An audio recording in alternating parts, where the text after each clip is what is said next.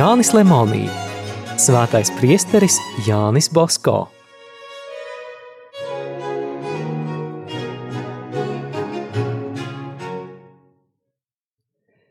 Pirmā daļa no ganu zēna līdz priesterim – bērnība, ģimene, tēva nāve, māte, Jāņa daba un mātes modrība, pirmās zīmes par viņa īpašo aicinājumu, darbs un izpratne, svarīgākie audzināšanas līdzekļi, tīrība un vienkāršība, mātes pacietība un maigums, atturība, bērna neparastā drosme un vaļsirdība.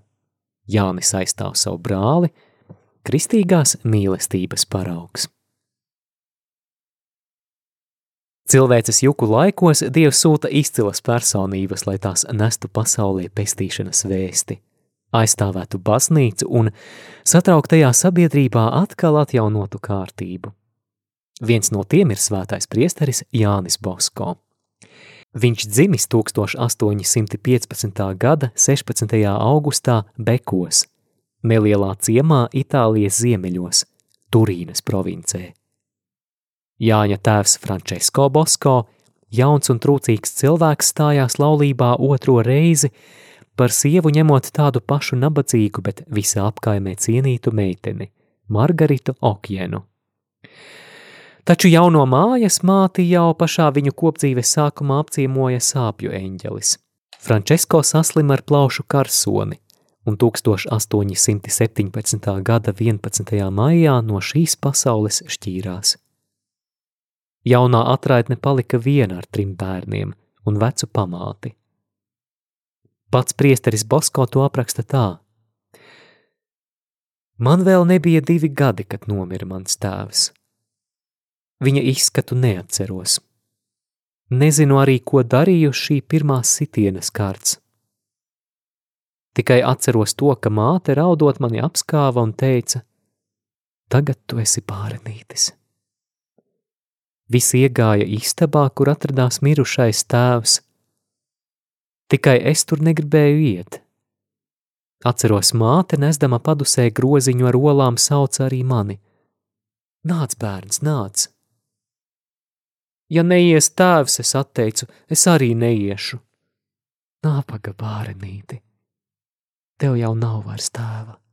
To sacījusi, māte paņēma mani pie rokas un raudādama ieveda citā istabā.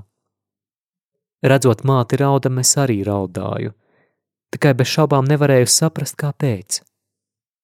Mātes vārdi, tu esi bārenītis, gan nekad neizgaisa no manas atmiņas.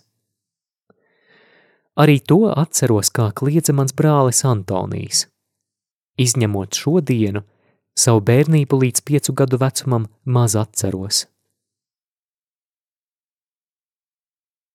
Nākamais jaunatnes apustulis un desmit tūkstošu klaidoņu un bāreņu tēvs pats jau agrā bērnībā kļuva grūtdienis. Tomēr Jānim bija arī māte, kas patiesi bija kristīgo māšu karaliene un paraugs, kā viņu dēvējuši tā laika rakstnieki. Nav grūti iedomāties, kas bija jāizcieš jaunajai atraitnei 1817. gadā, kad bija neraža. Piemontes apgabala ļaudis lielā sausuma dēļ bija palikuši bez maizes. Tomēr Margarita tādēļ neizmisa un neraudāja. Bez atpūtas strādādama, visu pārskatīdama un taupīdama, viņa uzturēja ģimeni. Nākamajos gados dzīves apstākļi kaut cik uzlabojās, tomēr vienmēr bija jūtams nepieciešamo lietu trūkums. Jāņa Bosko māti centās pierunāt, kurti jaunu ģimenes pavardu, bet viņa no tā atteicās. Pēc Francesko nāves viņu vairs neinteresēja nekas cits, kā tikai izaudzināt savus bērnus un kaut kā tos pasargāt no nabadzības. Viņa savus bērnus audzināja, vadoties no sprediķos dzirdētajām ticības patiesībām, saviem bērniem tās sniedzot dedzīgā mātes mīlestībā. Jānis mācījās no savas mātes dzīvot. Viss viņa rakstura krietnums un vismaz daļa viņa labo īpašību ir mantotas tieši no mātes. Vērīgi sekodama bērna attīstībai jau no šūpuļa, māte pievērsa viņa uzmanību dievam, laboja visas viņa noslieces un spējas.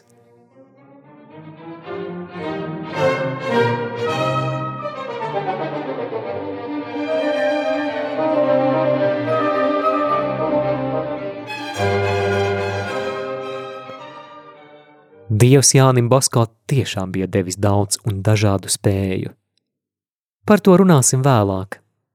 Viņš bija gudrs pēc savas dabas, piekļāvīgs bērns.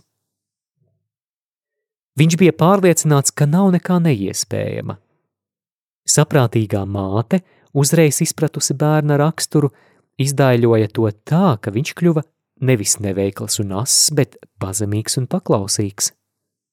Nekad viņa neveicināja sava dēla patmīlību, kuras viņam bija diezgan daudz. No mazotnes Jānis iemācījās vīrišķīgi piekāpties un mierīgi paciest dažādos pazemojumus.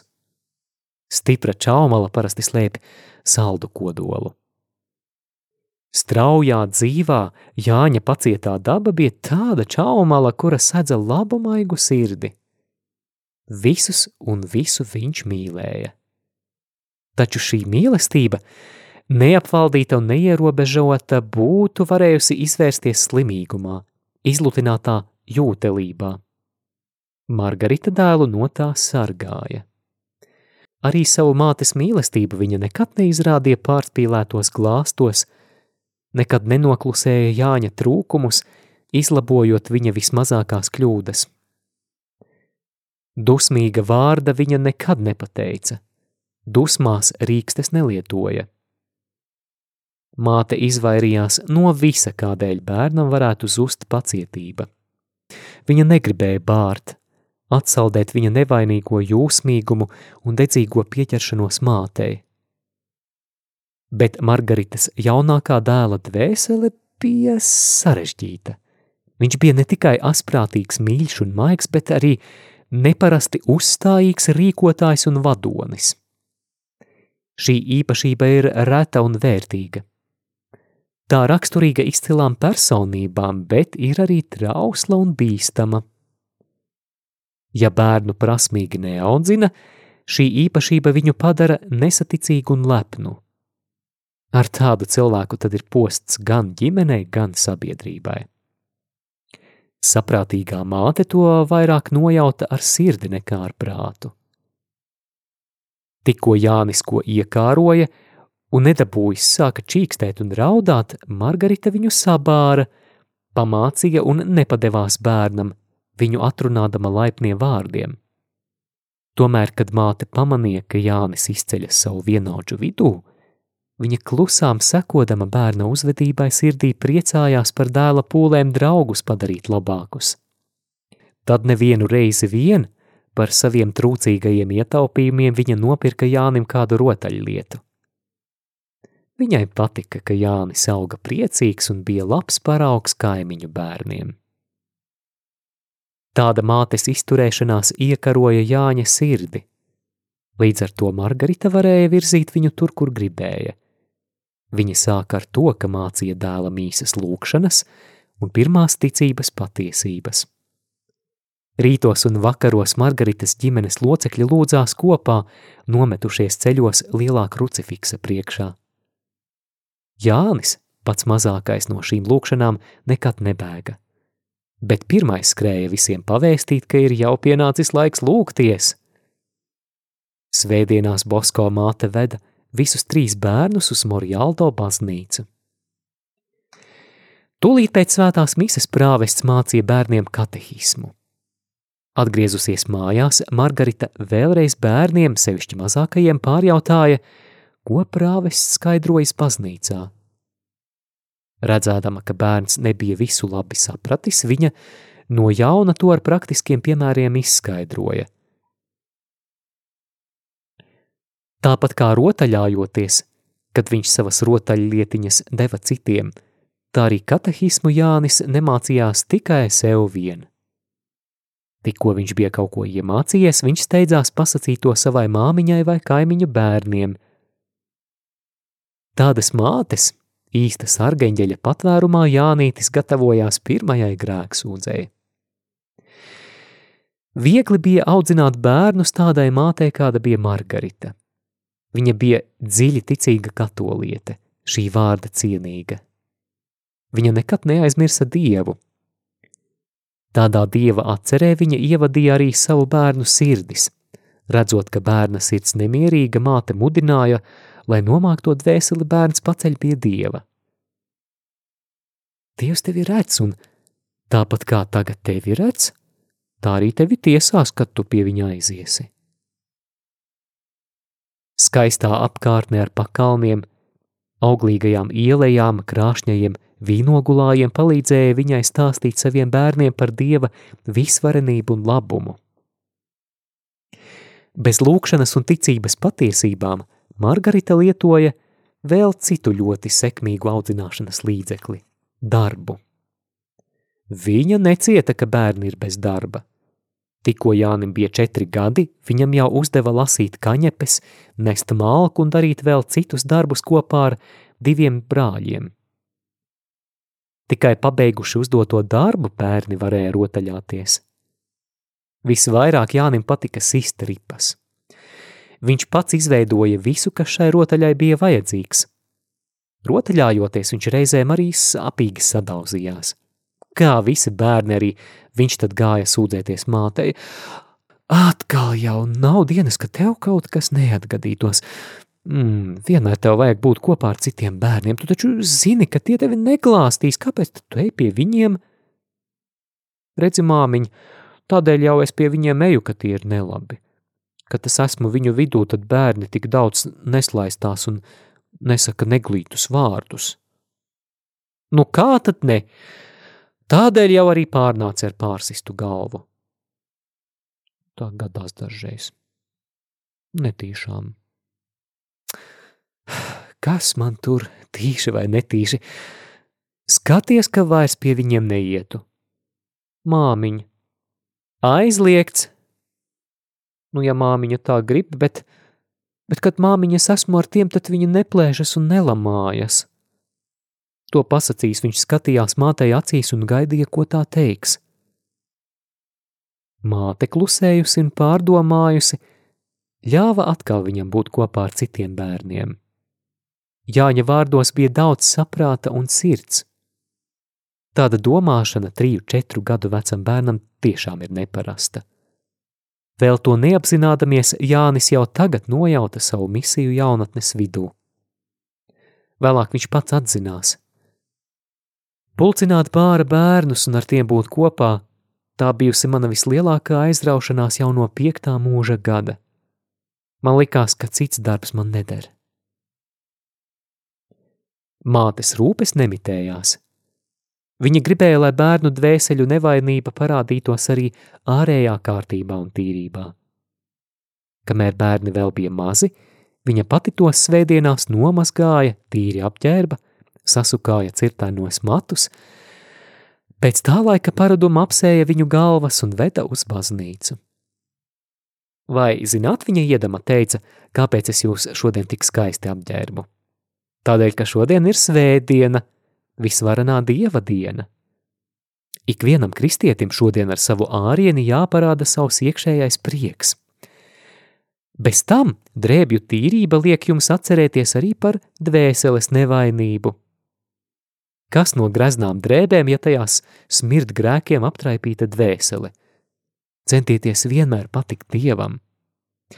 Cilvēku uzslavu meklē tikai uzpūtīgie, un tā viņi iemācās celt degunu gaisā.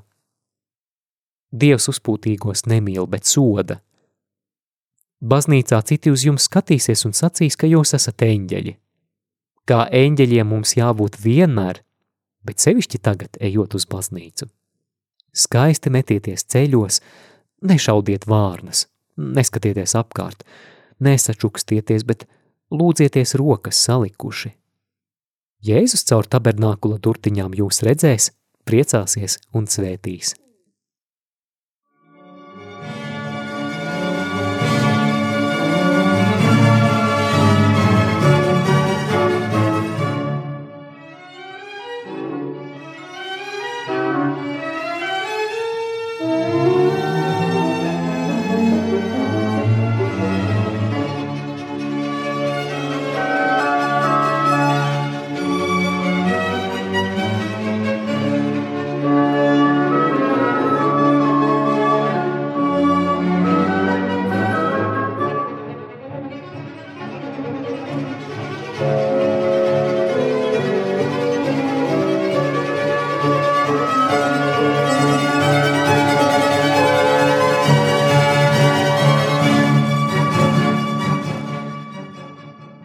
Margarita, kā jau sacījām, nebija ar pārāk mīkstu sirdi. Viņa bērnus mīlēja, bet vajadzības gadījumā prata arī sabārt. Bērni zināja, ka tad, ja mēģinās ko iekārot vai blēņoties, māte viņiem var arī uzskaitīt ar rīkstēm. Tomēr Bosko mātei tas nebija jādara. Prātīgs nopietns vārds vairāk paveica nekā koks. Reiz vasarā mazākie Margaritas dēli Jānis un Jāzeps pārskrēja mājās ļoti izslāpuši. Māte paņēma ūdeni un vispirms pasniedza Jāzepam, Jānītis dusmodamies, ka viņam nedod pirmajam, tad, kad bija pienākusi viņa kārta, teica, ka negribot. Margarita nevārda neteikusi izlēja ūdeni un glāzi nolika plauktā. Mamma! Ko gribi? Kāpēc tu man nedod dzert? Domāju, ka tu negribi.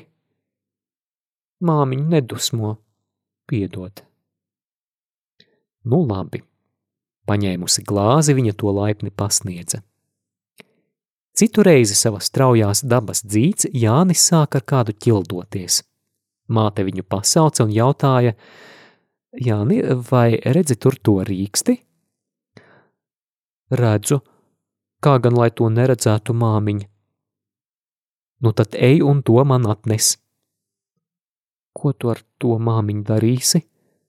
Atnes un redzēsi, Jānis atnesa rīksti un it kā baidīdamies to pasniegt teica, Māmiņ, kā liekas, tu man sadosi ar rīksti. Kādēļ gan ne? Tu neesi mierīgs. Māmiņ, es vairs tā nedarīšu. Un gribēdams redzēt mātes lūpās smaidu, viņš nevainīgi nolieca galviņu. Kas aprakstīs laimi, ko juta bērns, kad māte pasmaidīja? Mātes smaids ielēja bērna sirdī mīlestību un prieku, mudinot viņu izpildīt visus savus pienākumus un tā paliekot neizdzēšamā atmiņā. Tādi iespaidi Jāni Bosko jau pieaugušu, dzīves posta nogurdinātu vai kārdinājumu mulsinātu, atspirdzināja un stiprināja. Tādēļ Margarita savus bērnus mīlēdama tos tomēr nelutināja. Tieši otrādi – Viņa tos jau no mazotnes radināja dzīvot vienkārši, daudz strādāt, apmierināties ar mazumiņu. Tā, piemēram, brokastīs viņa bērniem iedeva tikai sausu maizīti bez kāda aizdara. Vasaras laikā viņa strādāja pie saimnieces līdz vēlam vakaram. Māte cēlās agri līdz ar gaismiņu, un arī Jānim bija jāceļas. Ik rītus, kad vēl citi bērni parasti bija aizmiguši, Jāņa māmuļa gāja modināt bērnus – Mātes balsi reiz izdzirduši bērni tūlīt izlēca no gultām. Pagriezties uz otra sāna viņiem neprātā neienāca. Dažreiz bija arī jāceļas nakts laikā, ja kādam kaimiņam gadījās slimība vai kāda nelaime. Margarita ar saviem bērniem pirmā aizsteidzās uz nelaimīgā māju. Tā Jānis pierada maz gulēt un pat naktis pavadīt bez atpūtas. Tomēr nevajadzētu domāt, ka viņa māte tā rīkojoties būtu bijusi cietsirdīga. Redzēdama, ka bērns nav tā, kā nākas izgulējies, viņa ļāva tam dienu dusā pasnaust. Jānis tad mātei paklausīja, atsēdās aiz galda, sakņupis uz abām rokām tomēr negribēja iemigt. Guli, guli, Jānīt, māte sacīja. Māmiņ, vai neredzi lūk, es jau guļu, zēns atbildēja un aizvēra acis. Mātei tas patika. Redzi, bērns, mūsu dzīve ir tik īsa, ka labus darbus darīt pavisam maz laika. Ik viena bez vajadzības nogulēta stunda ir it kā nozakta debesīm. Cik minūtes ir ietaupītas no nevajadzīgas atpūtas, par tik paildzinām savu dzīvību. Bet kas guļ, tas ir līdzīgs mirušam. Dievs vien zina, cik mēs par sataupītajām minūtēm varam sakrāt sev bagātības.